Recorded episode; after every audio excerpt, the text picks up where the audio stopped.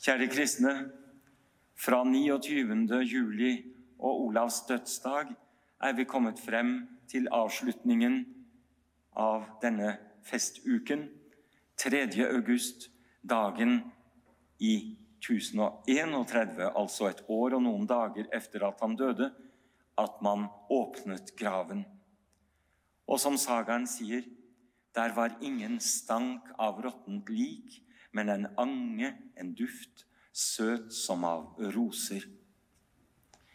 Nå er ikke det så spesielt, for det er faktisk det som veldig ofte fortelles når man åpner en helgengrav. Det som var litt mer spesielt for oss, det er jo at han ble da erklært hellig på stedet. For det var først et århundre efter, midt på 1100-tallet, at pavene fant ut at de måtte selv ta monopol på å erklære hellige, og ikke overlate det til biskopene rundt omkring. De syntes vel det hadde løpt litt løpsk.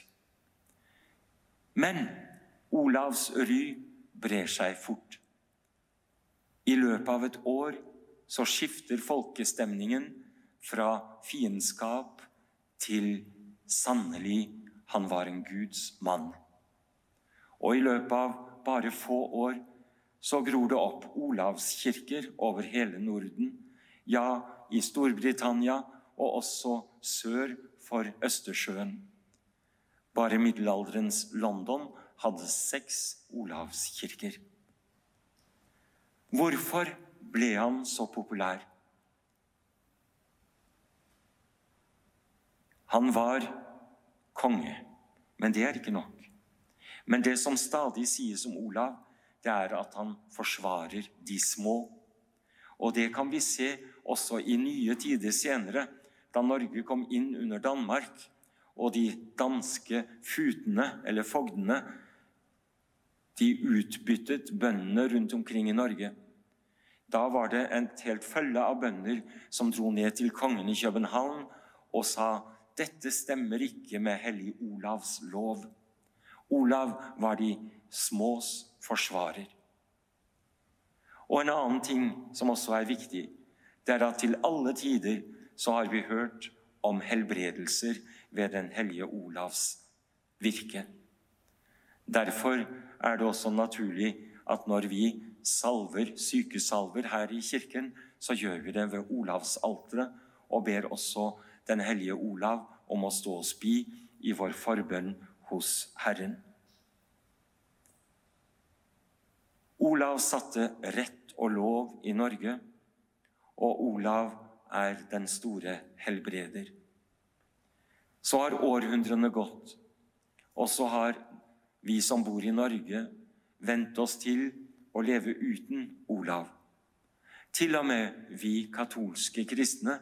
Vi trenger å ruske litt opp i oss og igjen påkalle Olav og be ham om å stå oss bi i vår tid. Om dere er utsatt for alle slags prøvelser, sier annen lesning i dag, så regn det for bare glede i bevisstheten om at frukten av en prøvet tro er standhaftighet.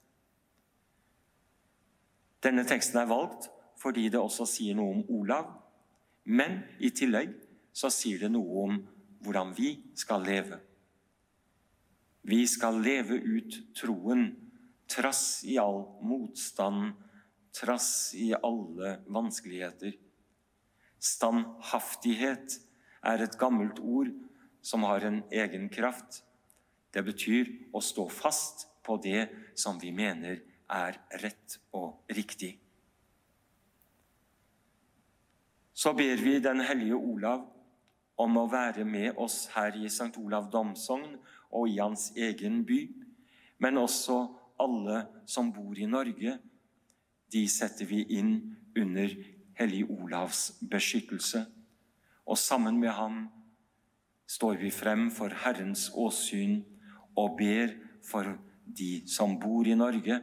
Jeg sier med vilje ikke det norske folk, for vi er ikke etnisk opptatt.